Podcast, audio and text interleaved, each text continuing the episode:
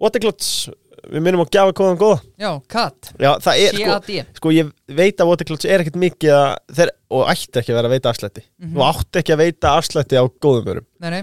Uh, en við erum þess heiðurs aðnjótandi að fá 15% afslátt. Mm og það er bara CAD og þetta er, þetta er merki sem við tengjum stert við og, og erum báð ég, ég fengi það frá mörgum bara herru, þið auglýsi Waterclots svo inn, innilega. innlifun, já, Uh, og ég segi já, eins og við gerum að sjálfsögðu við allara samstæðarsæðala en það elskum við á að því að þeir gera þáttun mögulegan, en Waterclouds er með fárunlega flotta vörur og, og hérna endilega nýtið ykkur harfurna þeirra með afslættinum CAD Rétt og kannski uh, í þarna, það er ekki til betri jólagjöf en uh, gjafa aðskjá frá Waterclouds. í guðana bænum Það Vesli, 15% afslætti katt Vesli gafakörna hjá Waterclouds.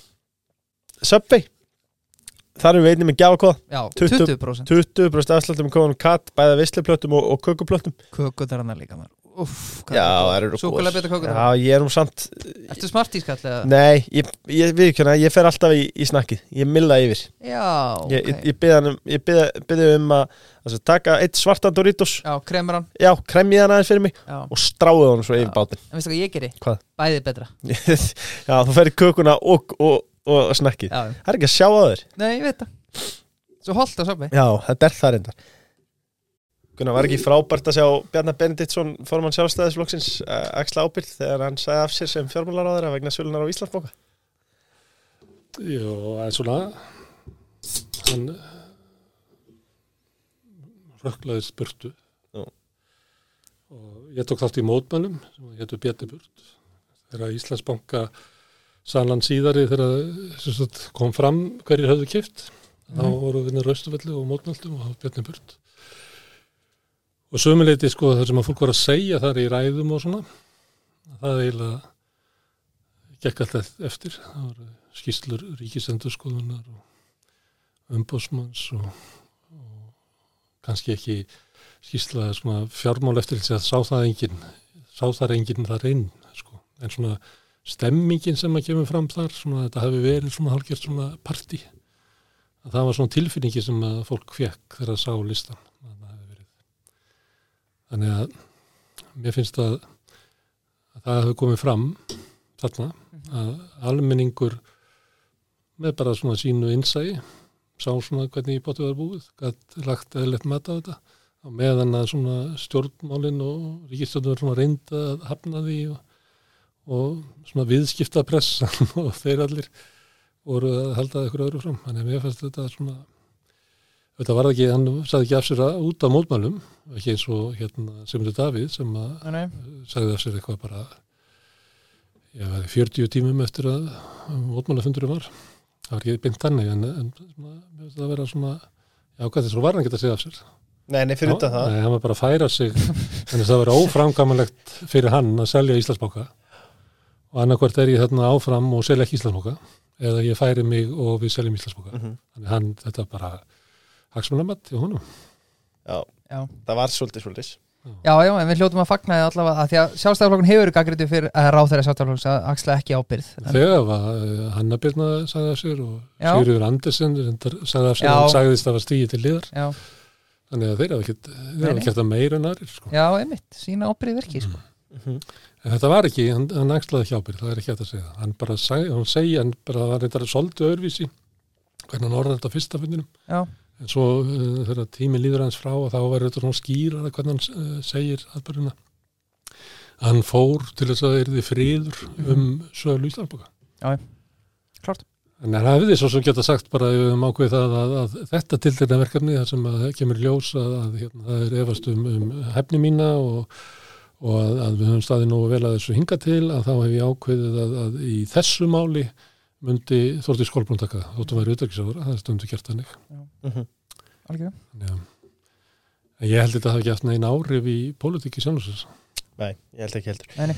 um, svo kom hann fram hann eftir að hvað voru ótrúlega margir það voru gerð könnun sko, sem að vildu hann bara færa úr ríkistjórn Já, sem að sýnir það að Bjarni Benediktsson er mjög sérstakur stjórnmálamæður að því að hérna talandi stjættir svo ykkur kallaði af henni stjórnmálinn og fjölmiðlarnir og svona tala alltaf um að eins og sé rosalega sterkur og teflon Bjarni og allt þetta. Mm En málið er að hann hefur sko, hann nýtur mjög takmarkas stuðnings með almennings og er bara einn óvinsarandi stjórnmálamöður Íslandsugunar.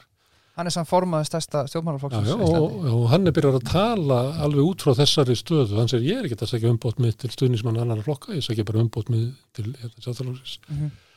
sem er svona, ég veit ekki, sem að, að því að ef þú ert í ríkistjórn og þá ertu að sumuleiti, sko, ég kannast við að það er að fórsetar eru kostnir, sko. Það fara þær oft að segja, þú veist, ég er fórsetið þeirra sem kursum ekki líka. En það bara, hann bara, Bjarni hefur ekki að, hann hefur ekki þess að landsföðurlegu stöðu, meðal annars að því að sko 70 til 80% stöðu fólki hérna bara treystur hún ekki. Og það ég held að sjálfstæðsmenn skil ekki að þeir sko, það lítur að vera eitthvað svona hugmyndar inni að hvað kostar þetta okkur að hafa hann. En hann segir á, á landsvöldunum, og ég held að hann bara næstu satt að, bara beint út að, að hérna kannski getur við verið með meira fylgi í skoðanakunum, eftir kostungum Mhm. en, en við erum búin að vera í ríkistjórn síðan að ég tók við, ja, Já, já, 2013 já. og það er, þenna, það er það sem hann ávarpar sína hjörð að ég skil okkur inn í ríkistjórn við erum leiðandi flokkur í ríkistjórn þá þú leiðum hann ekki. Að við fáum svona flest okkar fram sem að við viljum. Þannig einhver Brynjar Jensson eða einhver getur sagt að, að það sé ekki en þegar áreinir að þá er hann ekki að missa Brynjar frá sér sko Nei. en, nei.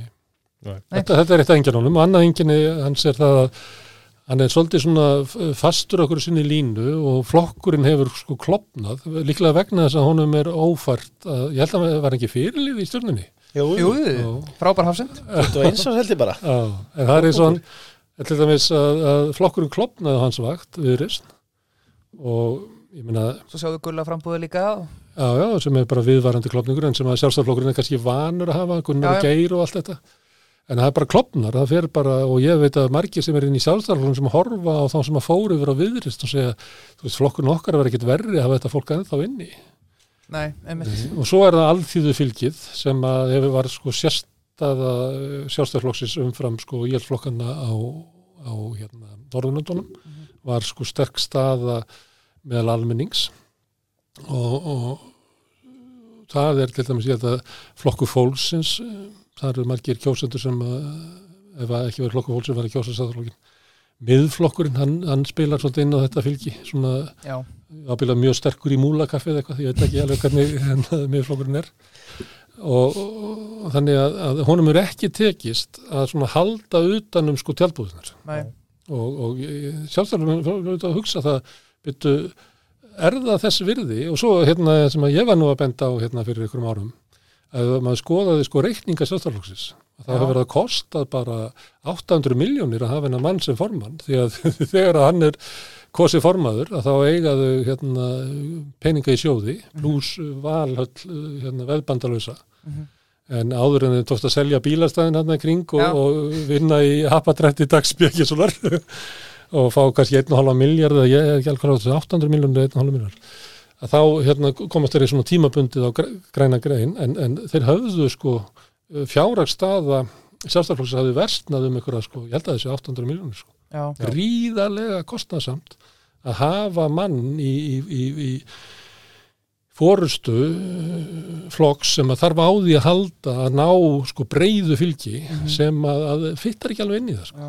Og svo held ég að Gulli hafi komið inn í kostningabarnu sinni við Bjarna er að, að, að það er svona smá ég veit ekki hvað að segja, einhver svona ungmennafélagsandi að tala um að já, það er bara sjálfstæðarflokkurinn gamli í 40% þetta er bara gömul tíð, núna eru svo margi flokkar að þingi og við munum aldrei geta náðu þessu aftur er þetta winning mentality eða? Að, hugsa bara þetta sé bara liðin tíð og hann sé bara núna orðin minni samverkingin ég er með svo mikið kjöt, kjöt á beinunum við, sem Já, ég langar já, svo að já. narti En þetta er alveg réttið og Bjarni segir þetta. Mhm. og það sem hann hefur verið að segja að hann, hann er að fara að skoða það að breyta kjördamakerfinu þannig að hann er bara eins og svona republikan í bandaríum að breyta bara einhvern veginn í systeminu. Já, þannig að, að, að sko sjálfstæðarflokkur fái sko ekki vægin og þingi. Hann er alveg búin að gefa stuff fyrir að hann geti aflað fylgi sko.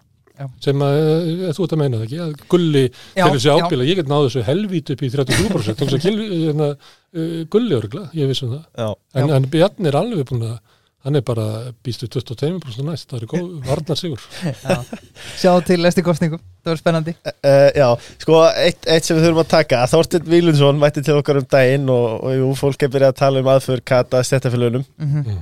uh, Þorsteinn talaði um hjá okkur að pólitísk afskipti verkeflisefingarnar væri alltaf mikil og, og bendur að þessi brot á lögum um stættafélög og vinnudelur uh, þar sem það er alveg skýrt að vinnudelum má ekki beita í pólitískum tilgangi. Og, og Gunnar, þú segir þá talar um að Þorsteinn vilji gefa sátta sem er að völd til að, að blása verkfull launafólks. Það var stemmingin í síðla vetrar og ég held að ríkistóttin hafi samlita en síðan bara kemur í ljós þegar tími líður að, að líklega munuð ekki náðu sér gegn sko, því að það verði gegn aldrei vilja verkefnisreifingarnar að, að stoppa verkvall og bara senda inn, inn miðlunatilugur Já, Já. uh, sammála Þorsteinn í því að stættafélög hér á landi sem er allt og mikið vægi í þjóðfélsumræðinni Nei, bara, sko, flest það sem gott var gert á síðustu öld var fyrir baráttu verkarsreifingarnar sem við fengum. Almannatryggingar, atvinnusinsbætur frí á sumrin eh, frí um helgar. Þetta er bara linnulus barátta þannig að þetta er bara, ég veit ekki. Eh, síðan er horfum við á það sem er mest í sko skaðinn og ég held að sé að verða svona flestum ljóst er óheirileg völd SA og viðskiptarás Já. stæri sig á því að ná öllum sínum kröfum fram og margt af því sem við verum að tala um í sambandi við húsnæðismarkaðin er að sumuleiti afleðingar af einhverju kröfum eða svona neitun uh, þessara fyrirbrigða í að fara einhverja til þennan leið við, þau ráða því að, að framhanskólinn er bara þrjú ár og þau ráði alveg furðulega miklu sko, þannig að völd verkefnisreifingarnir þessari völdur er alveg sára lítil sko. hver, Þann- hver, þann- Þannig að það er svona staðan þannig að ég held að segja ofgera stórlega völdverkarsreifingarnar og raunverulega sko tala inn í menn sem að, að sjá fyrir sér eitthvað svona rosalega óta ef að verkefnisreifingin nær ómiklu völdum að þá séu við bara á barmi ykkur að sko byltingar eins og ta talað um sko Solveig Önnu að hún vilji raunverulega ekki ná fram launa kjarabótu fyrir sitt fólk heldur sé hún að reyna að riðla þjóðskipulægin og ég held að hann sé kannski að tala inn í eitthvað svoleiðisóp skora þar. Ég held alltaf á tímabili að hann var að sækja vinnu sem frangaðisuri eða formaður Þetta var líka, þetta var rétt fyrir það sko Já. Að- það heldur að fleiri sko. Allt inni kemur ykkur rosa haugur og byrjar að tala svona svo, svo þetta frangaðisuri núna talar ekki svona. Hún er frekar að reyna að tala mildilega. Uh, þetta er mjög aðliklisættar að hún segir, Sigriður Margrét segir eitthvað í þá verðin að við erum bara að horfast við það að við sem myndur okkur hafa rétt fyrir sér um, um stöðun húsnæðismarkaði. Því að þetta gengur það getur lengdar að, að staðan húsnæðismarkaði sé þannig að húsnæðiskostnæðis er svo mikill að fólk komi til okkur heimti herri launa, hérna, herri laun. Þannig að við verðum að horfast í við að, að það er verkefni til að ná stöðuleika á vinnumarkaði að laga húsnæðismálinn ég, ég haldur Benjamin eða, eða hann hann að Vílundsson ég sé þá ekki að segja svona eitthvað. Ég kannski er að, að gefa aðeins í það sem hún sagði en svona þetta, Já, já. maður hefði ekki að heyrt þetta. Einmitt, sko mér veist, alltaf eitt, eitt pól sem við skemmtilegur í þessari með þú veist uh, þegar ert með samtöku aðurlýsins og svo ertu með stættafélög mm. og, og áðar hlýðar er, sína hinni hliðin í raun og vera ekki skilning. Og, og síðan kemur sportreikin að máli við fróskina á árbakkanum og segir getur þú ferjað mig yfir? Mm. uh, hérna nei, ég get ekkert ferjað yfir, þú stingum mig bara. Nei, akkur þetta ég stinga, við, við sökkum bara. Nei, nei, hérna, ég, ég stinga ekkert þá, þá sökkum við. Uh, já, þá, svo ferjar hann yfir og mér leið stingur hann froskin og akkur gerur þetta nú? Ég sportreik, þetta er í eðli mínu? Eða Mhm. sett Hvor er froskurinn að það? Já, ef- þeir, þeir, þeir, eru báði sportreikinu bæði SA og, og, og stjættafélögum þannig að þetta er, þetta einn eiginlega barátta. Já, hún er það. Og eh, bara hefur alltaf verið það. Það voru hérna í til dæmis, þið kannast við alltaf umræðum þjóðarsáttina þar sem að sko launa fólk átt hérna verðbólguna bara tók hann á sig það er til þess að losna út úr ykkur vítarhing þar sem að hérna laun hækka og svo er gengið felt og þá þurfa að hækka launin og svo er gengið felt og mm.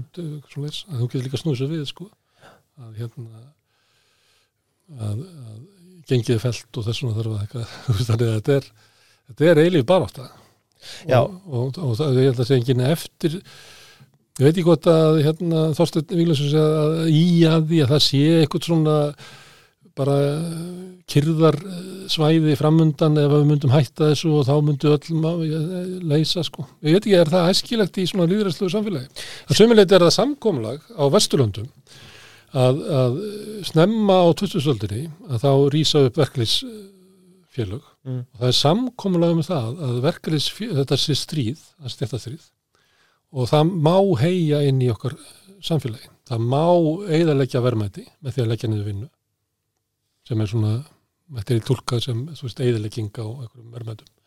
Og það, við viljum hafa það þannig að, að, að, að, að þetta er bara hluti af, af dýnamísku líðræðslegu samfélagi og það, þessi átök eru þannig þannig að þetta, ég veit ekki hvort að menn sem búin að tapa sér í einhverjum svona áruður um að við sem öll í sama báti og, og eða þetta sé einhvern krafi um einhvern svona sérfræðingaveldi að koma einhver svona síðskeggjaður ríkisáttasemir og segi sannlega segi yður að í dag eru tækifæri eða svigrúmið 1,2% eitthvað. Mm. Þetta eru bara átök. Þetta eru klálega átök Já. og, og það er, við veist alltaf merkilegt þegar menn er gott. sanginni af hálfu hinna Mm. og, og það er gott að það sé átök en, en, en þá spyrir maður sig sko sérstaklega þegar þetta er í raun og veru alltaf í einhvers konar ógnægafægi þar sem að e, þú ert til dæmis með af hálfu stjættafélagin geta beitt verkval, verkvalsaðgerinni Mm. e, en, en svo sko þá myndi ég halda einmitt af því þetta er átök að, að það skiptir svo miklu máli að það séu einhverja leikreglur og, og sem sagt, alla breytingar því séu úst, sem eru fordæmiskefandi Mm. Skuli aðtuga vel. Og, og, og Það er náttúrulega mjög þröngar, það voru miklu víðari eh, reglur, það voru breytti vinnulögjöfinni 96 eða 7, ég maður ekki. En, en, en, og það var þrengt um það, áður gætt til dæmis fólk uh, ég held að ekki verið þá, það verið búið að nema þetta var í setverkvall, bara einhver ósætt í fyrirtækinu af því að sko hérna, segjum bara að, hérna, Já. e- eigandinn bara hérna, setur yfir okkur hundleiðilegan hérna, verkstjóra já, sem er bara, bara pain in the ass bara, það er bara eðilegu fyrir mig daginn að þurfa að vinna undir þessu leiðinda kvikiti. Akkur megum við ekki sem fimm, hérna, 50 fiskverkakonur í Granda bara fara í verkvall og þeir vinna bara fá nýjan. Þú veist, þetta er, þú veist, hérna uh, verkafólkið og launafólkið er að leggja til verðmættin í fyrirtækið. Það algjörlega kemur bara með raunmjölu verðmætti. Og þannig er það bara. Og þannig að mér finnst það bara sjálfsagt að hlusta á sko rattir launafólksins, hvað það telji sko vera verðmætti sinna vinnu. sammála því Það er ekki þannig að sko kallinn takja bara alltaf peningin og svona eigði öllu sem hann dettur í hug og hendi svo ekkur í sko þrælana sína. Þetta er ekki þannig. Nei, það ágjör þannig, alveg sammála því nei. en mér langaði samt að bæta við sagt, eins og þessi afturvirka launakrafa er það eitthvað sem að er æskilegt að gefa fordæmi fyrir Þetta var náttúrulega klúður sem Já. að ríkis uh, hérna, sáttasæmari kom sér í. Að senda þessa, hérna, þetta var náttúrulega algjört klúður. Hann er með tvo sem er að deila og hann kynnir sko sátt sem er kröfur annars. Þetta er náttúrulega banalt. Þannig að þetta gat ekki farið vel. Nei, og það, og það tafðist, það tafðist þetta svo lengi að þetta gekk svo inn og svo, svo samtíkt að mann ekki óttalega tveir mánuður og þá er kannski afturverknin orðin svona mikil að hún er svona að byttu þetta er nú ekki alveg í lagi. En, en að, þetta, það er saga bak við akkur hún er svona. Já, en, en, og það er ekki sög sko eflingar að hafa beðið um sko sómansamlega kjör fyrir hérna fólk sem að vinnur við að skipta rúmum á Íslandsótturum nei en, en bara aftur í, í átt, úst, það sem ég átti erfitt með að skilja var hvernig þetta nátt sátt um afturvirknina. Eða sett, af því að þetta er fordæmiskefandi í, í svona átökum Já, ég veit ekki, það er svona fordæmiskefandi og fordæmiskefandi, þetta er náttúrulega voru mjög sérstakar að þar. Ég held að sé SA hlýtur hafa sko vaknað upp og segja þetta gengur ekki og þess vegna sé Haldur Benjamin ekki að vinna þetta. Mm. Ég held að hann hafi bara ekki verið og við vinna ríkisáttar sem er farin líka. Einu af þessu deilaðunum sem er eftir er, er Solveig Anna. Já, ég, þú, þarft, þú þarft að vera með ekkert smá þykkan skráp til að geta að lifa á hræstið þessu til langs tíma maður Nú, Ég myndi ég halda, ég, ég er alltaf svo á, átakafælna að þetta er ekki minn tilbólli sko. það er alltaf lægi að, að vera í einhverju orustu svona á vývillinu þar sem er slítandi að deila í tjaldbúðinni þinni. En ég menna Solveig Anna við þurft að þóla það. Og ég veit ekki, ég upplýði alltaf þetta, þetta þegar þið voru að bóða verkbannið sem að mér fannst vera sko bara, bara gaggala gú sko. Ég veit ekki hvernig þeir alltaf hafa náð því út að reka alltaf 20.000 manns heim Mm.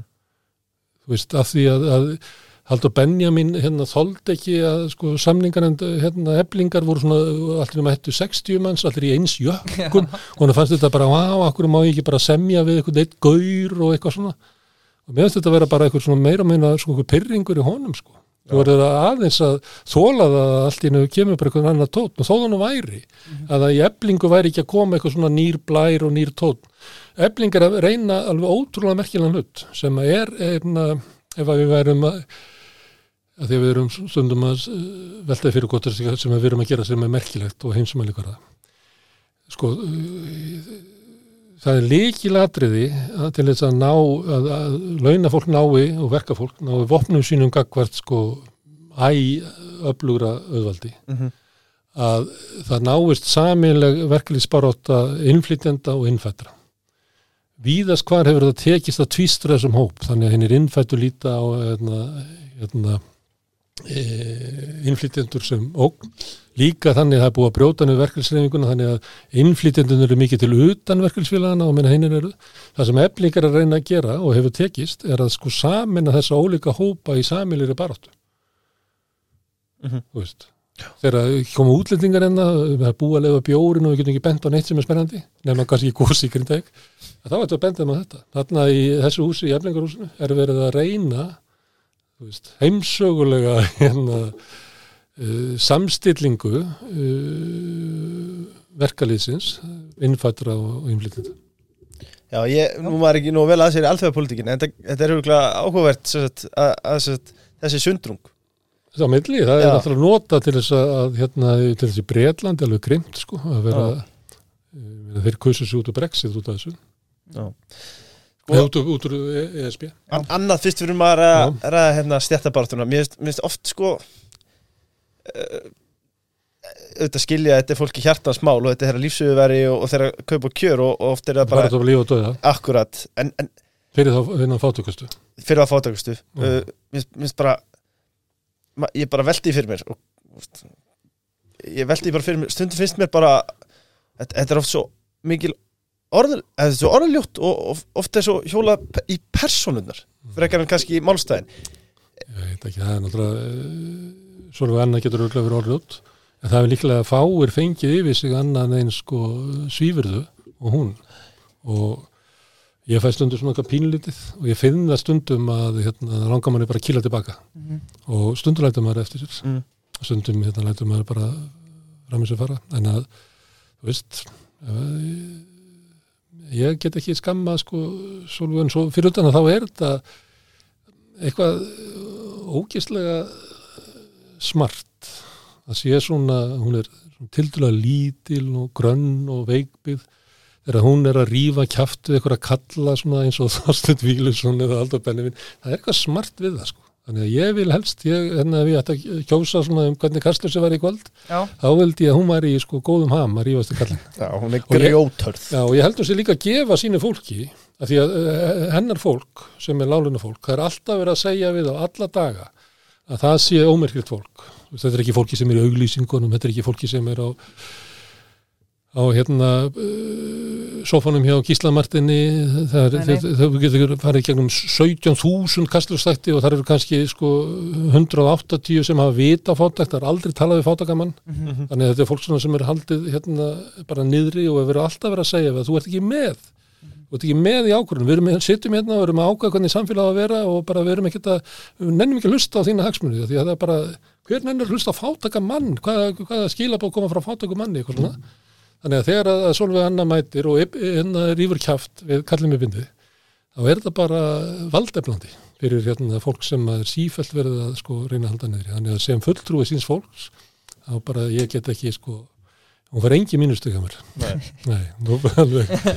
Hún er grjótörð en, en ég verða að segja það sem ég finnst leðilegast er oft hvað hún er árlót. Ég veit að hún gerir mig grein fyrir að hún fær líka yfir sér holskeplu en, sjálf en býtu, hvað er sagt við hérna fátakafólkið í, og hérna undur okkur það er alltaf sagt við það býtu, hérna, kannski máttu segja þetta en ekki með þessum orðum sko. nei, ekki núna þetta er, kannski, nei, þetta er ekki alveg rétt í vettvangurinn Mhm. það er alltaf verið að reyna að þakka nýri fólki að gera Já. aldrei rétt þannig að nú er komið, komið tími til þess að við bara sættum okkur það að hérna, fátakafólkið, launafólkið í Reykjavík uh, verkaliðin í Reykjavík hefur kosið sér fórustu og þú eru bara að setja við það Mhm. Ja. Ég get alveg verið að tuð eitthvað yfir sko hárin og haldur Benjamin eða eitthvað svo þetta bara, ef að þessa vill hafa hann sem í satt sko. Ef, ef að fólk vill hafa hans í fórustu þá bara gera það, eða velu það. Ég meina hvart ekki yfir að Eðna, ég er reynda að lýsa við förðu minni að sjálfstæðarflokkur skulle sætta sig við Bjarnaböð til sem formann. Já, einmitt, já, maður getur alltaf sína skoðanir maður. Uh, Algjörlega. Lengjan. Uh, Seti spennu í enska boltan Champa League, landslið og fleira Já, djúvel, ég er endar setti á City á móti Chelsea, tapa á því Er en það? var samt bara gaman að þetta er bara win-win bet sko. Já, ég setti á, ég setti á Chelsea að sjálfsögða Þeir eru mínu menn, fekk Já. fimm í stöðul á lengjunni Mhm. Straight win, Takk eða, eða einn bara Já, Og, hvetjum og alla bara núna til að setja á Íslandska landslega á móti Slovokum og já, Portugal verður erfitt en allavega Slovokum Já, og svo gætu við breytt eh, einni krónu í tvær með, með því að veða á Chelsea sko. Ég finn það þegar ég konar á skrið Já, um, Ronaldo to score, Portugal Ísland Já, einmitt einhver stað þar Já. Uh, bónus, Black Friday vikan er að gangi í garð uh, Svartu fössari, alla dagi hjá bónus Það er Svolítið stál Það er ekki bara, það er ekki bara eitt föstu dagar ára Nei, nei, það eru allir dagar svarti föstu dagar Bónus, þeir eru alltaf útirastir Þeir eru ekkert Black Friday til þess Ja. Og, og, og reyni annað Nú. Strákar, uh, hvernig metur stöðun á Þetta fjölmjöla er marka svo þetta? löng saga sko. ég, Sko, að sjá við verðum samt aðeins að tekla sem því ég, segi- ég bara veit ekki alveg hvernig ég var svar þessu af því að ég gæti svara þessu út frá svona næstu í svona enganlegu persónulegu perspektífi sko. Mm. ég, í hvaða heim ég kom inn í og á hverju ég var ástókin af blaðamennskunni og hvaða afl hún var og hvernig hún breytti í samfélaginu og hvernig hún hörnaði og eitthvað svona, ég get líka að tala um þetta út frá bara efnaslegum forsundum að svona grunnurinn undir sko hérna rekstri fjölmjöla er fallin og mun aldrei koma aftur og hann var bara, þetta var bara tímabundið fyrirbrigði í samfélaginu. Við getum náttúrulega ekki ákvörðum að búa þetta bara til þó að það sé ekki þessi hérna, þessar efnarslegu fórsendur það gerðist náttúrulega svona í ein- einföldu máli að þá gerist það svona upp úr meiri síðustu öld að það verður til hérna náttúrulega út af verkefni sparutunni Þetta á alltaf ræti sem við ekki Nei, það verður opnast möguleiki fyrir fólk til að vinna sig upp um stjætt og það er almennt skólakerfi og, og kannski er það út að líka út á þörfum hérna, fyrirtækjana.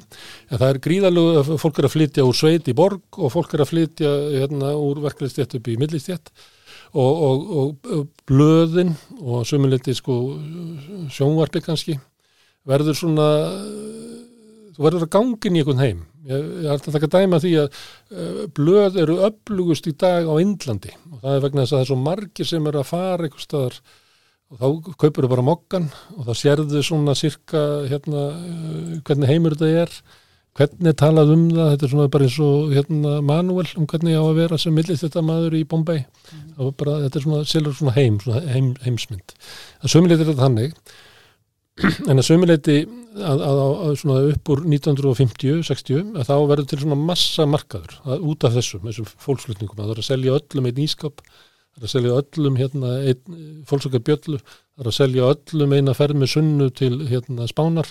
Þannig að það er svona massa markaður og massa medjan og massa uppbygging massamarkaðins fellur svona saman. Þannig að verður gríðaleg hérna, að massamarkaður finnur leið til að nota massamedjuna sem auglýsingar af, bara af, af miklu, miklu meira afli heldur en nokkuð tíminu verið. Allt er þetta fákeppnismiðlar því að það var analógurinn í útvarpi og sjónvarpi og takmörk og burðargeta og viða var tekjað á það ráð að láta uh, ríkið bara sjá um, um sjónvarpið vegna þess að það var ekki útdeilanlega gæði. Það er bara þá hefur bara BBC 1, 2 og 3 eitthvað. Og, og, og, og en, en í blöðunum er líka eh, svona fákeppnis lögmál sem að veldur á því að ef ég er með 10% fleiri lesendur en þú að þá, uh, nei, hérna, ef hann er í samkemni, þá neyðist hann til þess að auglýsa af mér ef að samkynsaðalega hans gerir það. Skilur, þannig að annars er það bara kerfisbundið að minka markalsöldil sína. Þannig að auglýsingarnar fara til þessara sterk og þá við þessi mokkan, aftunposten, Post sem að bara á Washington Borg, ég heldur að ég mér sko sjómars uh, bæklingana sem voru að drifta í útkverfin og svona, þannig að það verður til svona gríðarlega öflug enga fyrirtæki en í, út af einhverjum ástæðum, ég veit ekki hvað það myndi gerast núna, að þá taka þessi enga fyrirtæki á sig almanna þjónustu. Einhver leit er það tengt hvernig var deilt út hérna, leifonum í sjónvarpi, að það var skilda að hafa fréttaefni 60 mínútur dæmum þetta, það, það var gert út af kvöðum hérna, eins og að ef þú ætlar að hafa leiði þá varst að hafa eitthvað svona current affairs umfjöllunum eitthvað svo leis en blöðin taka á sig að veita þessa þjónustu. Síðan og, og þetta kann að vera að, að á eftir strísarunum er svona jafnaðar hugmynd það er svona mikið svona nation building að við séum á sömu leið með einhverjum hætti að, hérna, að, að verkefni okkar sé að rétta haginn að veikasettu og bla bla bla bla en síðan kemur við inn í 68 og þá verður svona eins og líðræðisbilding við það í samfélaginu og meðal annars á blöðum. Og þá til dæmis í BBC gerist það þannig að Adam Curtis hefur líst í þannig að fólk hugsaði áður byttu já, við erum hérna með ríkisfjölmiðil uh, hvað, hvert er svona hvert er sjónur hans? Það lítur að vera náttúrulega stjórnvöld sem að líður en kýs síðan kemur inn á sko sjönda áratvíðin að þá verður svona líðræðisbylting og menn segja nei, það getur ekki verið sko. Þá verður við bara valdbóst, það ekki verður bara svo pravda eða eitthvað, þannig að, hlutur okkur, sjónur okkar lítur að vera það sem að fólkið er, þannig að við erum sjónur skattgreðenda, neytenda almennings og eitthvað hlera og, og, fólk verður að segja fréttir af bæði úti í sko námubæjunum í Veils og þú veist, þá fara breyðast út. Og þessi bylting kemur hingað með stofnum dagbladsins og, og sömuleiti má hafa tímabil alltíðubladsins á sjönda áratunum sem er í, í þessa veru að það, það, það gerist út að þetta er bara út af svona mörgum á, ástæðum að það er efnaslega getan til þess að standa undir þessu og svona einhvern veginn svona pólitíski viljin á því að, að hafa þetta svona og svo þessi svona 68 bylti getur við kallað, þessi einföldun en það er upplýsa kvenna reyfingarinnar frelsisbaráttu samkynniður að fallara og allt það svona. Þannig að það fyrir að dragast inn í fjölmiðlanna sko fréttir af alls konar hlutum öðrum. En þegar að efnarslegi grunnurinn fer sem að gerist fyrst með því að, að analókurinn fer og það verður stafræn dreifing og þar lendir enga takmarka verið koma að dreifa mikið á sjónastöðum og, kannski síður út af stöðum og svo þegar neti kemur með ókipisfréttir sem að grefur undan sko hérna, efnarslegum grunni stóru bladana að þá bara fellur þetta. Og ég kom inn í þetta, ég man ekki hvernig það var 80 og eitthvað 84 eitthvað, ég man ekki. Þá kem ég inn í svona, að, svona þessi domkirkja er hann að næstu því þessi svona geta að því að vera að fjalla um eitthvað, að þú veist allavega ég byrjaði á, á, á NT sem að var alltaf ekki verið svona 35 manns á Ríðsson sem að væri bara fenomen í dag. En það var smáblað sko og, og, kemur í það og líka þetta sem að sko kynsluðun sem undan mér hafði gert sem er að svona líðræði svæði þetta að, að, að, að fjölmlandir séu standi með almenningi en ekki yfirvaldinu. En þegar að síðan að efnarslegu grundutur fer undan eins og og sömurleiti var eh, fréttablaði tilundir þess að framleggja þetta bara eins langt og mögulegt var með því að sko svindla svolítið að dreifa bara í hvert hús á meðan að kannski business model mokkans var það að fór í, í 50% húsum til einna betursettu og, og, og kannski á svona blómatíma mokkans voru 70% tekjun og voru auðlýsingatekjur af því að þó þú sett að selja áskipt þá er þetta raunverulega sko auðlýsingadreifi fyrirbriði af því að þá virkar þetta þannig að auglýstandin greiði niður þjónustuna sem að, að, að áskrifandi fær og, og þá fjölgar áskrifandunum og þá verður enda haggamar auglýsa og þannig, þetta, þannig spinnst, sko, mm. spinnast stórublöðin upp en svo bara svona það verður alltaf að ljóst í hruninu að þetta er brendalega farið og þá er eiginlega engin grundvöldu fyrir svona fjölmjölun og þá er það annars vegar að, að þú reyna að reyka gömlu fjölmjölun en ert auðmingi þetta byggja stórútgjörðuna um styrk reglulega og þá er það bara farið. Því að sko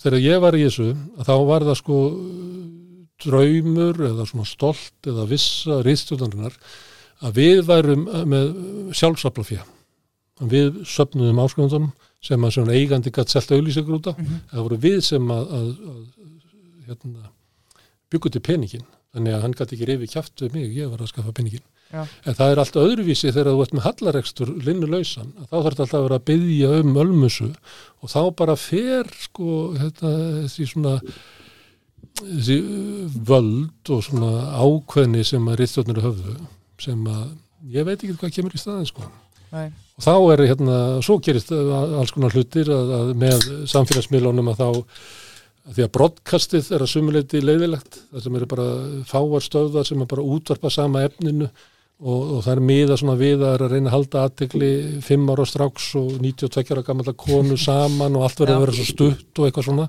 Og svo þegar þetta fer og efnin byrjar að dreifast með svona gamla læginu maður, frá manni til manns þú veist ég sá þetta og þá vekki aðtegli þín á því þannig að það er svona líkar að því sem að upplýsingar dreifðust í svona gamla samfélaginu að, að það er jákvætt. Þá koma podcastin sem er svona lengri og við, erum kannski að tala við færri en, en þú veist svona dýbra eða, eða getum ráðið við meira og þannig að það eru kostur og gallar í þessu. En til dæmis uppgangu populisma og svona svo hérna breyting í stjórnmálakerfinu er hluti af þessu falli fjölmilana. Það fjölmilanir er ekki lengur svona miðjan, ekki svona vettvangurinn. Við erum ekki með samkomulag um hvar við eigum að ræða um hluti með hvaða hætti. Þannig að það er orðið svona meiri rót á öllu og ég er bara ekki hugmyndu hvert það endar sko. En mér finnst þetta mér finnst þetta mjög skemmtilegt. Ég er náttúrulega að leika mér að þessu með að byggja upp samstöðuna Einmitt. sem að veit ekki hvað hún er, hvort hún sé netmiðl eða sjónvarp eða útvarp eða hlaðvarp eða bara okkur alveg sama Mhm. Og, og líka þetta með að svona tegja á forminu og hvernig hérna, já, hvernig stundam fjölmjölun eftir hrundómkirkjunar, mér finnst það skemmtilegt. Mhm. Uh, ég held að sko blaðamennska mun lifið þetta af. Já, ég veit ekki hvort að fjölmjölunni lifið það nei. Uh, fannst þér, ég var, var undirbúningi fyrir þáttinn, þá sá ég að, að, að þú varst nú búin að kalla hennan dómstak hjá fréttablaðinu, varst þér leiðild að sjá hvað þið fóð fyrir fréttablaðinu? nei, erum við ekki, sko, það var löngu búið að gera sko. Já, það kom mér ekki óvart. Ég að það var orðið frekar döft blaði sko. Mm það var náttúrulega ekki það sem áður var. Var ekki dauða kossin þegar þið hættu að fara með þetta í var ég þetta veit ekki hvort það var hægt sko. Ég, hérna, þegar við byrjuðum þá Já. manni það því að mann segja alltaf eitthvað svona frasa. Mm því að sem er líka nöðsleitt að þú ert að gera eitthvað sem er öðruvísi og nýtt þá verður einhvern veginn að ramma það inn í eitthvað svona frasa. Mhm. af því að það er allt í umhverfum sem er að segja að þú sett að gera eitthvað sem er, passar ekki þannig að það segir eitthvað svona eins og þú veist, við komum óumbyðin í hús og þess vegna er tónnin þessi. Þess vegna eru kurtis að búa til eitthvað svona hvað við erum. Og rosalegt ála sem fór í það að það mætti ekki frétt vera lengri en 20 cm svo eru bara 10 og svo 5 og að því að allir voru að segja blaðamennu og það verið ekkert merkileg frétt nema helst að það verið opna og eitthvað Mhm. svona. Þannig að það er svona, svona frasar. Og byrja af hverju eftir þetta ganga? Því að netið er komið og svona og þá var svona frasi sem var búin til sem að, að þó svo að þetta fresti hruninu, hruni, fyrirsjánlu hruni dagbladana Mhm. bara um tíu ár þá mun á þessu tíu ára tímabili skapast tækifæri til þess að finna eitthvað flöt til þess að halda fjölmunin áfram og máli var það að þegar þetta var þegar fréttablaði byrjaði þá var hellinga auðlýsingu farnar út úr blöðunum þá var til dæmis gefið út bónusblaðið og hérna hvað heita, hérna, húsasmiðublaðið og. BT-tölfur og rúmfattalagurinn og alls konar. Og það er svona dæmi um sko hörnum blaðan að moggin er svo hátt uppi í sko tekjum. Hann getur ekki sint þeim sem eru á svona til þess bónus eða BT-tölfur sem eru að höfða til svona þeirra sem að hafa minna umleikis og það var náttúrulega það sem að réði að fréttablaði gekk svona hratt upp þó svo hafi eins og fara á hausinn. Mhm. en það var, mætti skrifa á svona vannfjármögnun því að það var komið í breyk í venn sko bara fjóru-fimm mánuðum eftir að það var endurest að því að við, við vorum eiginlega búin að ná þessu. Að það sem að gerðist það voru dreifir í hvert hús og, og ég man bara eftir einn útsölu á bjetitölum allt í einu er bara byðröðin sko tvísa sig Já. í krigum húsið af því að þarna hafi náðst til þeirra sem þurftu að fá þessu auglýsingu það virkaði ekki fyrir bjetitölu auglýs í mokkanum Nei, af því það er bara, fólk fór og kefti ég held að það verið HP-tölfur eða eitthvað námskotum Ég man eftir að rent hýrum auðum til PlayStation 1 í blæðinu hérna í den já, Já, já. já. En það við náðum þessum eh, bæklingum inn aftur og til þess að geta staðið undir svo þá þurfti það að, endur svona endur reysa bladamarkaðinn og það eru hluti af auglýsingum sem að þurfa, eða blöðin hendu sérstaklega við, allar svona verslanir og tilbóð og, og svona ímynd svona ekki ímyndarauglýsingar, en eða allt annað. Og ef þið pælið í því þá er eða allt annað ímyndarauglýsingar, þarna voru sko smáauglýsingar með þess að ennþá inn í blöðunum Já, við náðum nú ekki svona, eh, samt svona smá fótvistu því en ekki eins og var á Kanada þarna voru fasteinauðlýsingarnar atunauðlýsingarnar allt inn í blöðunum sko. en þegar þetta er farið að þá er einhverlega grunnurinn undir sko gamla dagblæðið eiginlega eh, brosti sko. Það er, það er ekki nóg að taka eina almenna auðlýsingarnar inn, þær er ekki nógu mikið til þess að greiða þjónustuna til áskrifenda nógu mikið til þess að svona, þetta dæmi gangi upp. En þetta er bara, þá spyr, spyr fólk sig sko, eða blaðamenn, hvað hefur við að gera þá? Er domkirkjan, og gaman að vera í það sem er svona sannlega segiður og svona eitthvað svona stemming.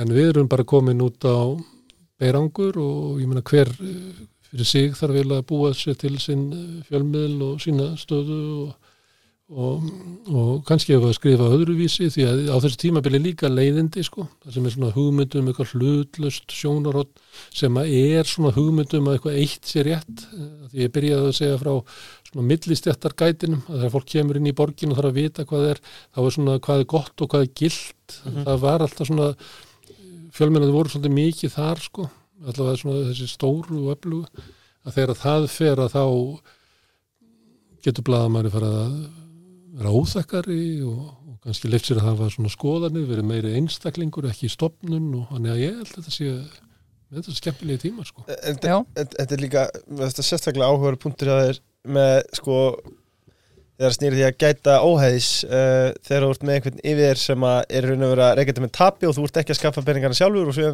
aftur á móti getur þú með ritsjóra sem er að koma inn með peningana.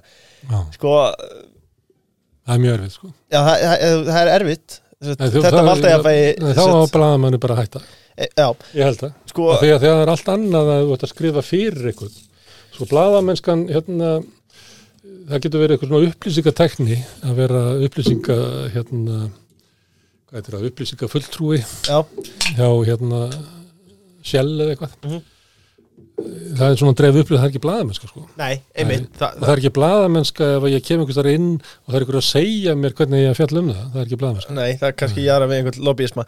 Eh, en, en hérna sko, sp- spurningin er þú ert með ekstra um hverju dag sem, að- sem erfitt að reyka fjölmiðl í dag. Uh, á ríkja halda úti svona íburða miklum fjölmiðli svo er það sér svona mikið auðlýsingafí sko ef þú myndir spyrja auðlýsendundar þá vilja þeir halda það ríkistarfinu Já, og það kom í þessi ljós sko hvað var það með auðlýsingar fyrir fréttablassis fór það allt í mokkana það?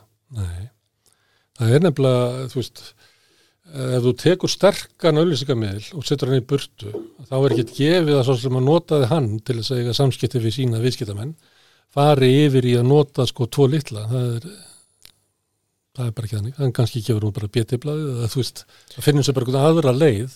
Þannig að þessi, þessi, þessi kröfur mokkamanna og fleiri að, að losna við ríkisútvarpið eða, eða þú veist, stöð tvö sem er eiginlega, ég veit ekki hvort þeir séum svona á ölsingamarkaði, að þeir eru loka áskuldastöð, að ef að, ef að rúf myndi loka, að ég meina, ég myndi gíska á að sko 80% færi bara bara, en, en heldur, heldur það myndi ekki valdæfla frjálsa fjölmiðlin nei, afnema ríkisútvarfið nei.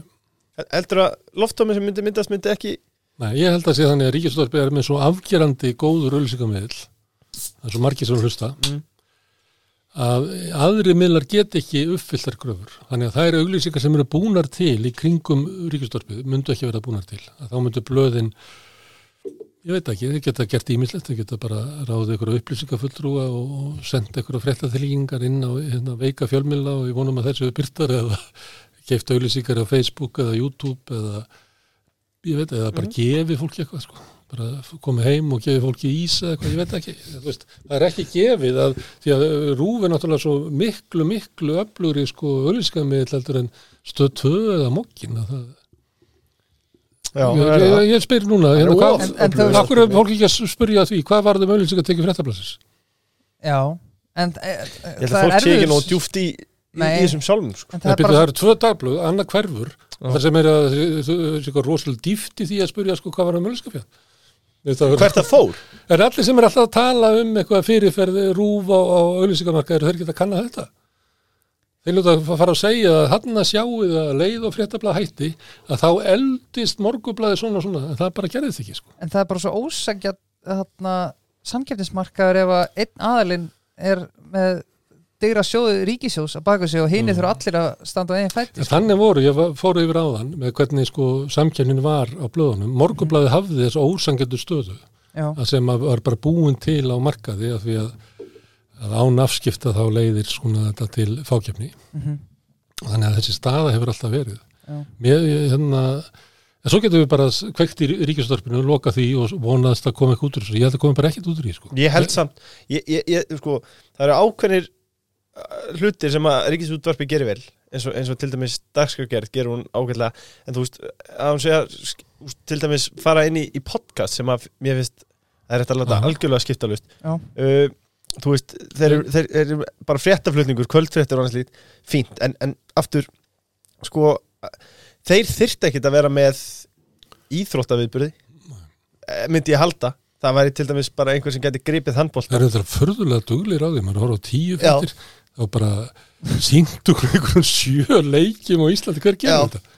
Er þetta sami gauri sem keirir á milli? Nei, ég, spurði sko en þú veist, Eru þau með sjö teimi að taka upp, þú veist, körfubólt að kalla á hvenna, handbólt að kalla á hvenna, þessi- þessi- ísokki Já, akkurat Þú veist, en ég, ég, sko það er einhver hlutir sem ég er alveg saman sem að veist, við verðum að, og, og ættum að halda áfram en finnst þetta ekki of viða mikið? Sko, rúf er náttúrulega eh, leiðilegt kvikindi, mm, eins og allir sem að verða stórir og, þú veist, það er svo hallarist að þú til er einhver svona stóru kerfi og allt inni byrjar að miklast einhvern veginn sjálfur persónulega og verður svona leiðilegur. Og, svona, og þetta að, að hérna, þóla engan svona vöxt kea var svona á akkuriri það var eitthvað sem að stopp, stopnaði eitthvað pínlilla búð eða eitthvað skó, skóvestaði kea komið bara í næstu dyr með skóvestaði þau þoldi engan svona nálat og mér veist rúf er svona og þetta er bara eitthvað svona mannlegt mein sem að er þið bara að senda inn eitthvað fólk aðna inn sem að er ekki svona smátt í sér. Mér segja ég svona dasgrá ég er með svona pínuleitið þarna samstöðuna. Og þá hérna eitthvað að gefa út bók og svona, ég kom vitali á endilega eitthvað svona Heyrðu, nei, hérna, ég var að tala við Rúf og þeir vilja ekki að þeir vilja vera fyrstir Já, Já, einmitt, einmitt. hvað meinar? Af hverju? og, því að, og ég er búin að vera á litlu blöðum og, og svo svona á megin blæðinu, fréttablæðinu að, að sko stóri kallinn, hann á að vera rausnalegur, ég segi það með ekki einhver sens út stór að þú hegðir þér eins og smáminni sko þannig að sko li- litla blæðið það getur ekki byrt þegar stóri er búinn því það er búið að þurrka upp alla sem að það er mjög ólíklegt að einhver sé að horfa á mig sem að, að hérna gæti ekki sótt að inn á rúf að reyndar er þetta ekki alveg svona því að rúf sækir inn á svona til dæra þröngun hóp. En það breytir engu fyrir sko rúf þótt að það sín eitthvað efni sem ég er búin að vera með. Já. það trublar það bara kannski 0,3% en kannski að versta í þessu eða besta í þessu er að svo eru þeir bara með ansi góðar tölur, ég held að, ég voru ekki að sjá síðustu ég held að vikan með gíslamartinni sé bara, veist, það er lang, lang, lang vinsælast í sjónvastáttur í Íslandi, sko. Þannig að, þú veist, þeir eru þá að gera eitthvað rétt í viður, sko. Sem er þetta svolítið fyndið að því að það er svona mjög gamalt fólk sem er að horfa á þetta. Já, en kannski bara ekkert annað í sjónvapinu, sko. Nei. og það myndi horfa á hvað sem er kannski. En, eh, en það sem að minnst að fyndi með gíslamartina því að þau eru alltaf að að láta þetta lúka eins og það sé fólk, þáttu fyrir ungs, ungt fólk. Já, já, Mhm. en það eru sko kannski 63% af árundunum eru yfir 70 sko. já, já, það er alltaf ungt fólk í salnum og í settinu og eitthvað svona já, svona cool Með tví- já, með já. tví- á skjánum já, já, og- eitthvað svona rosalega heit, ung kljónsveit sko, bara nýkominu grunnskóla eitthvað með eins og það sé rosalega trend í þáttur. Já, en áhörðunir eru bara þú veist, hinum megin við ellifinu sko. Er sko. Sem ég held sér samt fínt sko, þegar þau upplöða sig þá kannski sem aðeins yngri, það er bara flott Ég hef einmitt stólið stundundur að horfa á hana kapsmál þáttin á rúf sko og Já, þá er að þið bara að tala svona skýrt í mækina og ég er svona, okkur er að tala svona bara? Já, náttúrulega því að meðalaldur er 98 ára sem er að horfa á það en uh, ég myndi freka hvarta yfir sko, styrkju ríkistjórnuna til enga reikina fjölmjöla við erum til þess að reyka hérna uh, samstöðuna. Mhm. og sístemið er þannig að við skráðum samstöðuna einhver leiti verða hérna, einhverju þráhyggju í februar þess ári, við hefðum getið gert það fyrir. En hérna bara þessu fjölmjöla nefnd og eitthvað svona það bara, ég næðis ekki alveg hvaða, okkur þarf, þarf þetta það er einhver gaur sem er alltaf komið í fréttinnar að segja hvernig við eigum að hegða okkur og svona, ég bara, ég næ ekki fjölmjöla nefnd út á hvað það gengur. Og það er afskipti Já, ég sammála því. Já, og svo er það, það er svo hrættur um það allt inni komið sko krafa frá fjölmjölanemnd að, að koma einhverja skýrslu um, þú veist, hversu margir svona, eitthvað, þú veist, við ráðum ekkert við, við erum í hálfgerði sjálfbáðvinni við haldið þessu úti, sko. Mhm. Og erum með, já, ok, en eh, við erum samt að borga uh, laun, svona, við erum halv atvinnumennska. Þannig ef við tækjum sko stöðuna eins og er í dag, að meða við hvað hinn er að fá og meða við veldu og, og starfsmannafjölda, að þá ættum við að fá tva- 12 miljónur í, þessu ári. Og með svona eðlilegan vöxt eins og hefur verið, lámarki átján á næsta ári. Mhm. Reglunar er hins og þannig að þú þarfst að vera búin að reka í eitt ár, heilt ár. Og það ár verður síðan lagt til grundvallar og metið árið þar á eftir um styrkveitingu til næsta árs. Þannig að samstöðin fær fyrst styrk eh, árið 2026 og þá ertu komið með kerfi sem að uh, stjórnmálinn hafa búið til sem að uh, til dæmis fjölmennar standa veikt og eitt af hlutur konar þegar við ætlum að örfa nýsköpun í fjölmennum lítur það. Nei, kerfi snýstu það að styrkja helst þá sem eru stórir Mhm. og helst þá sem eru gamlir. Og því þið voru að tala um svona útslutun og almanna gæðum, þetta er hluta því. Jú, jú. Þeir fara með 107 miljónir og láta stórútgerina fá peningin til þess að hún geti haldið út í mokkanum til þess að haldið út í sínum áraðri. Vantar ekki útgerinni bara penning Sko, Já, já, það virðist vera Já. því að þeir letu hérna, í, í hérna vinslustöðuna fá held ég 110 miljónur orkusjóð og samerja 100 miljónir. Það er eins og þetta liðs í alveg bara, þú veist, þetta eru welfare queen á Íslandi, það eru kvot- kvotagrefanir. Það, er- það er bara hvar sem er útlutað ógifis peningum, hver er fremstur í röðinni? Fyrst er að spennan Já, það er bara þannig. Ha, um, við, hérna, einhverju sko bláfáttakir, hérna, sósialistar sem er að reyka þetta hálfgerði hugsun á þessumi, að við fáum ekki svona við röðinni, við fáum að koma í röðina 2026, þegar að sko Þorsteinn Már er búin að gúffa sig alveg sko fullan. Og svo þarf ég að hlusta það, svo þarf ég að hlusta það að tala um Bjarnar Ben. Hann má eiginlega hverki mæta neins þar, nema að fara að tuða yfir því að sko, hérna, sósialistandi hafi fengið styrk. Já, það, við vorum með, með þá spurningu þarna inn í uh, En þann hann að Ég bjóð þetta ekki til í fyrsta lagi, það var uh, nærði að vera Bjarni Ben sem bjóð þetta til, ég var ekki hvernig þetta var sett upp. Já, Og þetta er þannig að þeir sem að fá manna ekki, hvort þau fá meir en 3 eða 3,5% fá styrk. mhm, Hér er hérna uh, reglan svo að þú fari ekki þingsætti nema að fá 5%. einmitt Í Danmörku er það 2%, í Noregi er 3% og 4% held ég í, í sjóstaflokkurum var að þingi í öllum Norðurlandunum, líka í Grænlandi og, og Færiðum, með við fylgi sem hann fekk. En uh, þau horfa fram með því að, að raumulega eru sósialistin sko sviftir uh, tveimur eða þremur þingsætum út af sko til þess að venda hinn stóra og gamla. Það má ekki vera nýsköpun í stjórnmálum heldur. Nei, nei, Heldur þeir hérna stóri kallinn hérna, sjálfstæðarflokkurinn sem er búin að gúffa sko endalausta peningum, ég held að fái sko 370 miljónur ári úr ópebyrju sjóðum meðal annars til þess að halda bjarnar ben á, á launum. Hérna öll strætóskílin með honum eitthvað traust efna, stjórn og allt þetta. Þetta er allt borgað af sko fátökuekjunni, skattfið Erðu, hann er ekki að tala um þetta, heldur byrja hann að tuða yfir því að, að við fáum sko styrk. Og styrkurinn hérna var, ég held að sé þrjú eða þrjúhald, ég manna ekki. Og, og þá er það öll stjórn, þetta er styrkur til stjórnmálasamtaka sem að bjóða fram og reglan í, í við fengið, við myndum fá styrk í öllum Norðurlandum þú veist að því að þetta er svona sambarilega reglu þar. Og yfirleitt eru reglunni þannig að þetta er ekki bundið þingsettum því ef þú kemst inn á þing að þá byrjar að fá hellingastyrki frá þinginu og aðstóðamenn og alls konar gúmilaði en hann er alltaf töðið yfir því að sko sósæðstæðin fá hann eitthvað svona 20 og, og, og manna ekki hvað er 22 miljonur eða, eða 24 miljonur var það sést endalist að töða yfir því ég bara um, stóra kannan En hann er ekki, hann er nefnir ekki þannig að hann er að taka sko 370 miljónir og hefur gert það sko árum saman. Já, á sama tíma, en hann tilhörðu bara hann sé verður þess að fá það eða ekki. En ég, ástæðan fyrir því og það er svona til að tekja þetta við fjölmenna ástæðan fyrir þetta fyrir tauganar honum er að við tökum helmingin af peningunum og notum það til að byggja upp samstöðuna.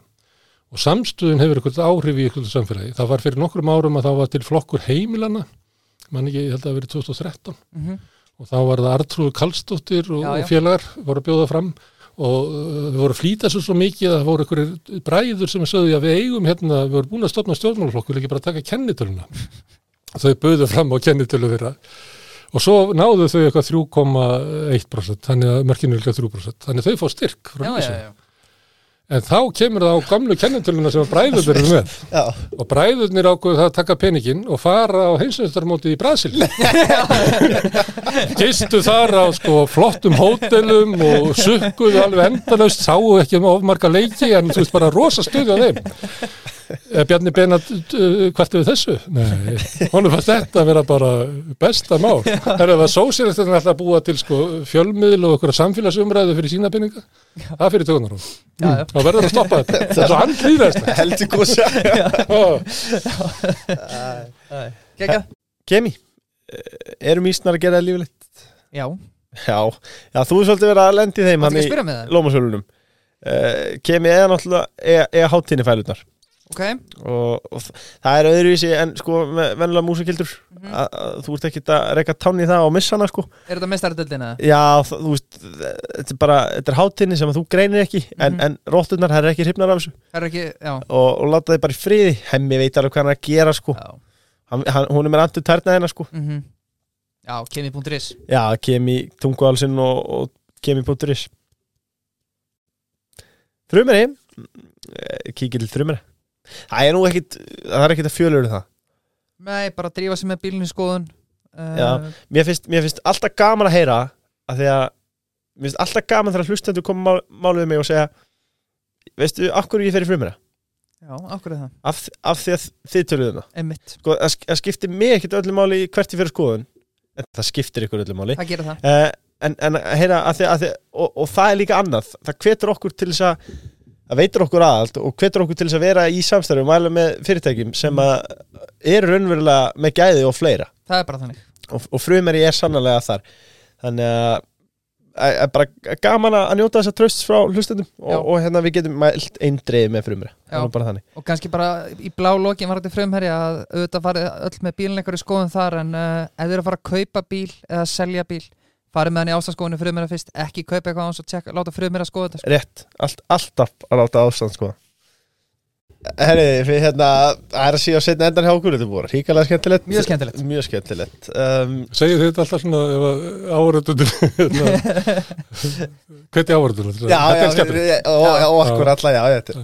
nei, bara í fúlustar Ég ætla að byrja á þessu í mínu Já. Er Það ekki En, er- en þú, má- þú mátt bara segja þetta ef það er samt búið að vera Já, gaman ok. sko. Já, já, þú já, þarft já. ekki alltaf að segja þetta um, sko, við erum að detta í, í hraðspurningarnar. Nú, að hérna áður nú koma þeim eh, mér langar að taka nokkra stuttar samt. Eh, samt stuttar ekki- stuttar hraðspurningar? Já, þetta er svona kannski fór hraðspurningar. Ok, uh, reyðu fyrir ertu, ertu með á móti því? ég er með því. Mér la- Ég reyndar, ég var eiginlega mikið með reyðu en ég gafst upp ykkur þar á leiðinni. Það er svo erfitt að fara tilbaka sko. en ég yfirleitt fór ég bara og náði mér í peninga og var með peningana. Það var bæði svona pínulítið svona að, að, hérna, að geta falið slóð sína hugmynd sko. Mhm. svona sem er svona, er ekkit tengneinu, það er svona eins og ykkur sagði að, að Íslendingar verið að hafa hugmyndur um að geta farið upp á hálendi, þóttu gera það aldrei já, já, það var svona eitthvað svoleiðis hugmynd en svo hérna hafði ég líka að trúa því að maður færi bara betur með peninga en maður verið með á Mhm. og sagði ég þá minka að, og ég segi það stundum að ég er að borga kannski með kortinu og ég verið alveg hissa að það hafi gengið í gegn en svo ég kaupið þetta ekki alveg ennþá sko. Þetta er bara bráð fyndi sko. Það var rétt einhverjum svona plast eitthvað. símaði bara. En minn Já, þannig að ég er já, reyðu fyrir endilega já. Þetta, akkur kem ég að sömu læstu dyrunum hvar sem ég fer Já, af því að hvað þú var reyðu fyrir var það? af því að það er nú mikið talað um peninga þetta og annað Að því, að því, að ein, eins og þú bendir ákunar þú veist, þú Já. ert með hérna reyðu fyrir sem þú gafst upp á að vera með í vasanum að þetta er ekkert nema mein, þú, ég, held að lennir maður ekki get, ég held að ég, ég veit ekki hvort ég get ekki hitt í bíó lengur sko. Hvað, hvað ætlar að gera við 11 krónuna sem þú fær tilbaka. Það fara bara í rusli á endanum. Já, ég við, hérna, við vorum með samkomla ég og dóttir minna, ég tæmdi alltaf vasanna og hún er með, hún var að segja núna áðan, ég var eitthvað uh, fyrðulegt að það skuldi hafa komið upp áðan að verið kominga og þá var ég, uh, spurði ég eitthvað hvað er í svona kassa? Og þá var það klink sko og það sagði hvað ætli ekki að fara með til bankan og það sagði nei, það er búið að loka einu vélinni sem kann tekið þetta, Já. þá vissi hún það. Þannig að hún getur ekki farið með peningan og lagt á innlengur nei, einmitt, það, þetta er bara þetta taka bara örfa útibúð sem taka við þessu. Sko, stærsti og, og, en, en það plýtur að blasa við að, að því að, því að van, að, ókosturinn er svo stór við þetta og blasi við að sest, peningaþettis vandamálið mm. sem fylgir vantilega reyði finnu Mm. uh, er, er það ekki vegur hann ekki þingra en, en kostinir Ég veit ekki. Þú veist, hérna, þú getur ekki, ég bara er, eh, hérna, skýtblankur á lágum tekjum Já. Og þetta peninga þetta er vandamál þetta, ég bara get ekki lista, sko. Þú er bara að finna hvað aðra aðeins. Þú getur ekki tekið af mér þessar, sko, 11 krónur Ég eiga það það reynd að leysa þetta. Og þú veist að ég meina, það er bara, það eru bara einhverja sóknanemdir og húsfélög sem eru bara komin undir lögreglar rannsókna því að þú veist að þau get ekki skra, hérna, get ekki haldið þetta um húsjóðun út af þessu. Það er bara einhver, einhver stjartfræðilegt rugg.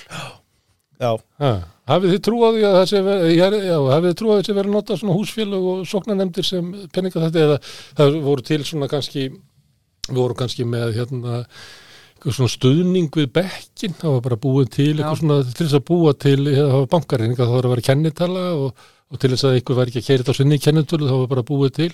En öll þessi félög það er bara orðið stórkostlegt vandamál að stofna það. Og reyndar er orðið bara mikið vandamál að stofna félög. Já, að því við erum verið svolítið af því að við erum verið að endurreisa leigjendafélagin og stopna svona ímis svona félag alltíðu félagið og samstöðuna.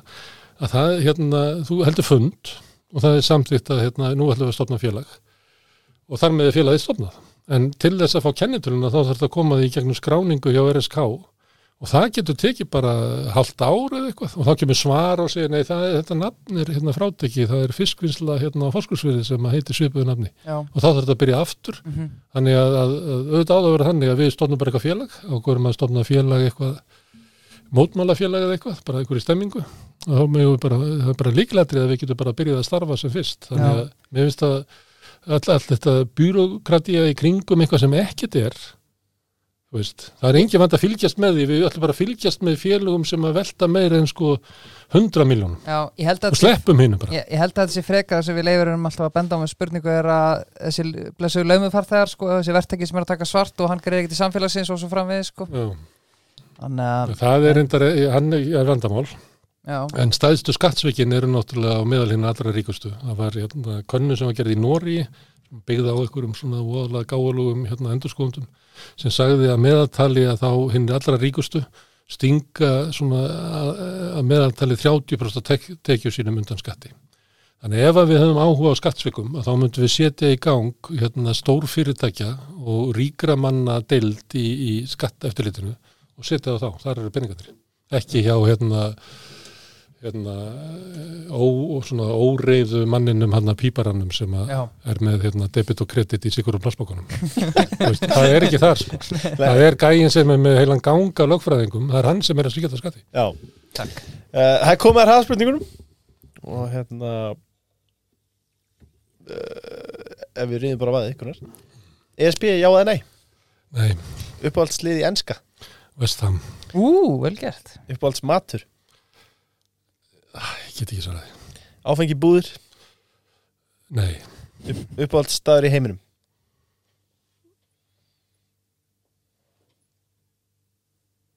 ah, þetta er sama með matinn sko. Þetta er uh, tengis bara einhverju ég veit ekki. Fjaran við Eirabakka. já, fallegt hérna, já, góða minninga það líka uh, uppáhalds stingmaður í sjálfstæðisflokk Hver er það? Títrætti Bjarni er þarna og. Dilja og Gulli. Gulli, Gulli. Ég hef svolítið, hérna, ég er pínandi aðdáðandi gulla. Já, Ég segi, ég hef sagt þetta sögu áður, sko, að þegar ég var eins og formaður þessa á, Mhm. þá var hann heilbriðsraður og ég þurfti að bera svona ákveðra hluti undir hann. Og hann sagði, já, bara komdu og vildi hitta mig, held ég, sko, 20 mínútur í átta, svolítið svona skritin tími. Og þá var það, hérna, á hverju kaffjús, ég veit ekki svo hvað þessi kaffjús þetta er á hotnin og, og, og felsmúla og suðurlandsbrödd hínum með við götuna við hérna, hérna einu svona Hotel Esja en heitir núna Nordica eða eitthvað. Og ég kem þarna inn á bara á tímabil, réttum tíma og það er svona borðar og svona okkur básar og eiginlega enginn inni nema gulli sem að er að tala við eitthvað svona kall og vinga mér og bendi mér á hérna annan bás sem að ég setjast á. Þannig ég fer bara og sest á þann bás og svo kemur hann og rosalega fljótur að afgreita og það kemur annar inn og hann bendur hann um annan bás. Og þá ég segi, djöfisir snillingur þessi maður, hann er, hann er í við- þetta er, er, er pólitískur fjöldtefli þannig að ég, þessi svona elja gulla, mér finnst þetta hérna þó að hérna, ég gef ekkert fyrir sko pólitíkina, ég veit ekki eins og hver hún er sko. Nei. Nei.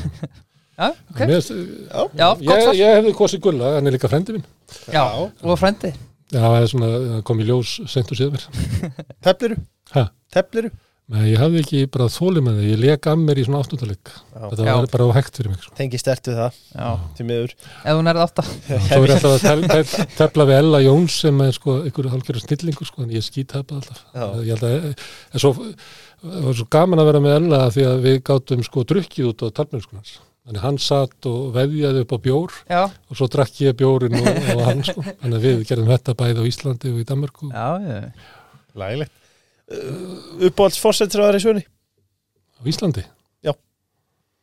Ó, erlendur Eða það mátt velja bara Það sem er, er líka betur Ég veit, ég þarf að bara að rifja upp hverja voru sko.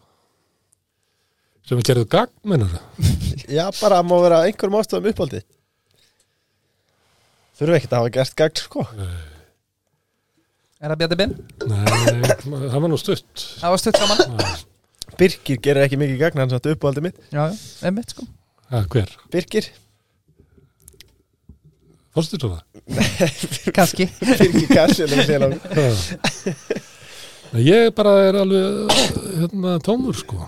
Já. Já, Já, Ég, þú veist, ég gæti sagt svo veist svona eh, hérna, Stengur Hermansson eitthvað. Já. Því hann var svona þú veist, uh, hann var svona svona venjulegu maður á fyrðulegan hátt, þótt að væri það ekki hann var svona elítu, sonur fórstisraður og allt saman. En það var svona um, eitthvað við hann sko, en ég myndi samt ekki segja það, gerði hryllilega hluti sem uh, já uh, ég, ég er bara, ég er ekki alveg þannig. Nei, þú mátt ég er, ekki, ég er ekki góður í svona ég hef ekki trúað að sé eitthvað svona eitt kall sem að bjarga okkur og svona, ég er ekki nei, ég er bara þetta verður bara í steik hjá okkur þangur til að sko alþýða manna rís upp í skipulegri hreyfingu og, og bætir samfélag ákvæmlega Þetta- Já. Uh, Kaffe að síkó Kaffi eða síkó ég tók kaffi og síkó ég hætti að reykja sko 2000 og- 23. Hérna, apríl 2004 Já. ég man dagsetninguna því að kona mín var að heimta að ég hætti að reykja. Skynarlega og þá saði ég eitthvað, ég hafaði lesað í ykkur blaði að það veri gott að velja sér dagsetningu og, hérna, og hafa hana bara í minni og, og, og stefna henni. Og það veri 23. apríl 2004 og þetta var eitthvað 97 eða eitthvað. Já. þannig ég stælti mér að kaupa mér góðan tíma. Svo fannst ég mér þetta vera svo fyndið að ég væri svo fyndin að hafa sagt þetta. Þannig ég var alltaf að segja fólki þetta að ég væri fyndin svo kom helviti stagur þannig að ég hættar ekki það. Já, Þannig að ég mæli með þessu sko, að ég velja svona einhverja dagsetningu og sjá hana svo koma í lokin bara eins og heimrið. já, Já, En ég er ekki, ég drekk kaffi miklu minna núna en áður, ég drekk svona einn eh, sterkan stóran kaffibólla á mótnana Mhm. og gæti alveg lifað af því út daginn sko. Mhm. En, Já. en ég er ekki svona háður í eins og ég var áður sko, að vera kveikja á sigartum og nei með þá gett. Greina gott, greina gott uh, uh, Versta fjárfesting á æfinni sem að ég keift. Mhm. Ég er náttúrulega lagði peninga sem að ég átti inn í sko fyrirtæki sem var á hausinn eins og frétta tíman og ég held að ég hefði átt eitthvað pínlutið inn í, inn í svona móðurfélagi nýjetavísin en ég leita ekki á það sem fjárfestingar sko, ég leita á það sem bara að ég hafði fengið smá pening út af svona sérstökum ástöðum út úr frétta blaðinu það fannst mér svona eðlilegt að borga það eitthvað tilbaka í því að það er því haldið út einhverjum blöðum sko, þannig ég leita aldrei á þessi fjárfestingu. Það var í og ég hef aldrei keift neitt svona sem að ég sé eftir að hafa keift sko. Ég held að við höfum átt þrjá bíla í 30 ár. Þannig að við bara eitthvað eitt bíl svo bara keirum hann út og þannig að ég er ekki svona, ég veit ekki eins og hvað fjárfestingi er alveg Nei, Það er bara mjög gott. Um, Sko, ég held sér bara að koma að loka spurningunni. Já. Gunnar Smári, ánum þökkuðu kjalla fyrir kvöldið. Uh, Eitt ráð til ungs fólk sem kannski vill koma sér inn í pólitík eða vill kannski fara já, mynda sér ykkur á skoðanir? Ég veit ekki hvað þetta þetta er álega fólk að mynda sér skoðanir. Eða þess að það En vil kannski í pólitík verða pólitísk tengjandi Já. Ég held að það sé bara gert með því að fara og vinna með öðrum hérna í einhverju baráttu. Og þannig er pólitík, hún er svona hún er eh, út að, út að vinna að einhverju og þú, þú uppskerði einhverju að sigra. Geta verið bara þú veist, Bjarni Ben segja af sér út af mótmælum eða eitthvað, eða þú veist taka þátt í mótmælum og eða vinna því að, að breyta hvernig er talað við um húsnæðismál á hann og en endurist leyendarsendakana og Guðmundur Hrafn Argrímsson hvað áhrif hann hefur haft á þá umræðu? Og það og bakvið það er alveg sko heljarinnar vinna og svona greininga á, á markaðnum og taktík og vangaveltur og taka þátt í sko starfi verkalisfélaga í ykkur svona skipulagri starfsemi að vinna með, með fólki, að vinna saminlega með fólki og, og, og sigrarnir alltaf draga okkur áfram ef að við höfum reynt það í, í félagi að hafa náð ykkur um árangri það tengir fólk svona saman og, og það er það sem að dregur okkur áfram það er ekkert sem að ekkert er dýrmættilegur árangur og það er hann sem að tókur okkur áfram og það ég held að sé einhvern veginn svona stjórnmálaflokk sem okkur vantar sko, okkur vantar ekki fleiri sem að koma upp á upp í hérna pultið og alþingi og segja "Eh, mér finnst þetta og ég hef verið að skoða þetta og mér finnst þetta. Og ég bara eh, næðis ekki sko. Þessar hugmyndum að, að, að eitthvað tildeknir einstaklingar hafa verið kosniði til þess að, að, hugsa eitthvað og komast eitthvað niðurstöðu fyrir okkur hinn. Ég held að sko pólitíkin er náttúrulega bara barátta það getur verið barátta í hagsmuna baráttum eins og leigjandasamtökunum eða það vantar til dæmis félag einstæra fóreldra vegna þess að sko efnarslega staða einstæða fóreldra er mjög veik. Það vantar félag innflytjenda til þess að þeirra hefði svona sterkar rödd. Í nefni Guðmund Hrafnaðan, hvað er mikilvægt að fá sko leigjenda með rödd inn í frétta. Það, það, til þess rúf hafði ekki talað við leigjenda í sko tvö og halvt ár. Og síðasti leigjandi sem tölu við var einhver leigjandi á, á, á stúdendagorðunum þar sem hafði kveiknað í, í, í þarnastu íbús það var aldrei verið talað um hagsmunni leigjenda sko fyrir að, að, að, að þetta gerðist. Að, að, að taka þátt í ykkur baráttu fyrir ykkur aðra því að pólitík snýst um alltaf um það að þú ert að vinna fyrir ykkur aðra.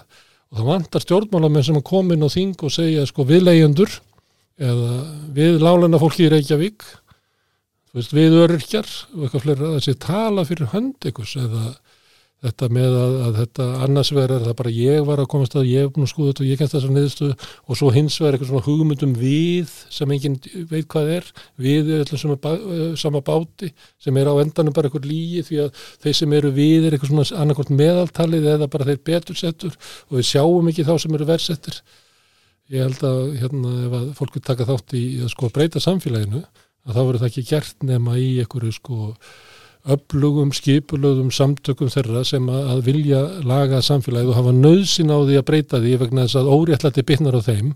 Og ef við verum að hugsa um samfélag og það er eitthvað að samfélaginu þá er það þetta sem er að því. Það er það sem að hérna, staða leyenda hún er slæm og lögum hana. Og það er staða einstæðara fóraldar sem er slæm og lögum hana. Og við gerum það ekki nefna með kröfum þeirra um það en, en stundum verður stjórnmáli þannig eins og og ef þetta er bíl þá erum við ekki að laga sko sprungnadekkið eða eitthvað heldur eru, sittum við alltaf að vera að veltaði fyrir okkur einhvern veginn. Þú veist, við munum við ekki ná lengra ef við sko hérna, bætu, sittum aðeins meiri hérna, púða undir rassin og bílstjórónum eða eitthvað, þið kannast veit, það eru alltaf að tala um eitthvað, þú veist, það er ekkit að sko auðu fólki eða þeim sem standa efnarslega vel sem að þurfa kannski lítið á sko hérna velferðarkerfunum að halda. Það er ekkert aðeins um fólki og þetta við vorum aðeins að tala um þetta áðan hvert stjórnmáli snúast, þess að viðri sem er snúast að millist þetta fólkinu er að draga upp að það sé ykkur í svona stórkoslega vanda og það er að kjósa til þess að bæta sinna einn hag. Það sem er að samfélaginu er að það er að vaksa hérna upp hérna stór láttekjustjætt sem er mörguleiti bara klift frá samfélaginu, sumuleit út af því að það er erlendum uppruna, sumuleit út af tungumálinu en líka vegna þess að það hefur ekki sumu möguleik og aðri til þess að taka þátt í því. Börnir það ekki sumu möguleika til þess að taka þátt í. Það er þetta sem er að í íslensku samfélagi. Og, og svona getur við styrt samfélagi það er ekki með því að leggja skatta eða eitthvað. Því að, því að Róm var hérna, stórveldi með því að leggja skatta með því að taka peninga og byggja innviði og byggja upp samfélag. Þannig var það til, þannig að þessi hugmyndu það að allt skáni hérna við bara lækkum skatta er bara einhver, ég veit ekki hvaðan það kemur sko, eins og fólk hafi ekki eins og lesið sko, ekki eins og sko, ég veit ekki hvað bara ekki neitt. Nei. Heru, þetta var, þetta var Takk fyrir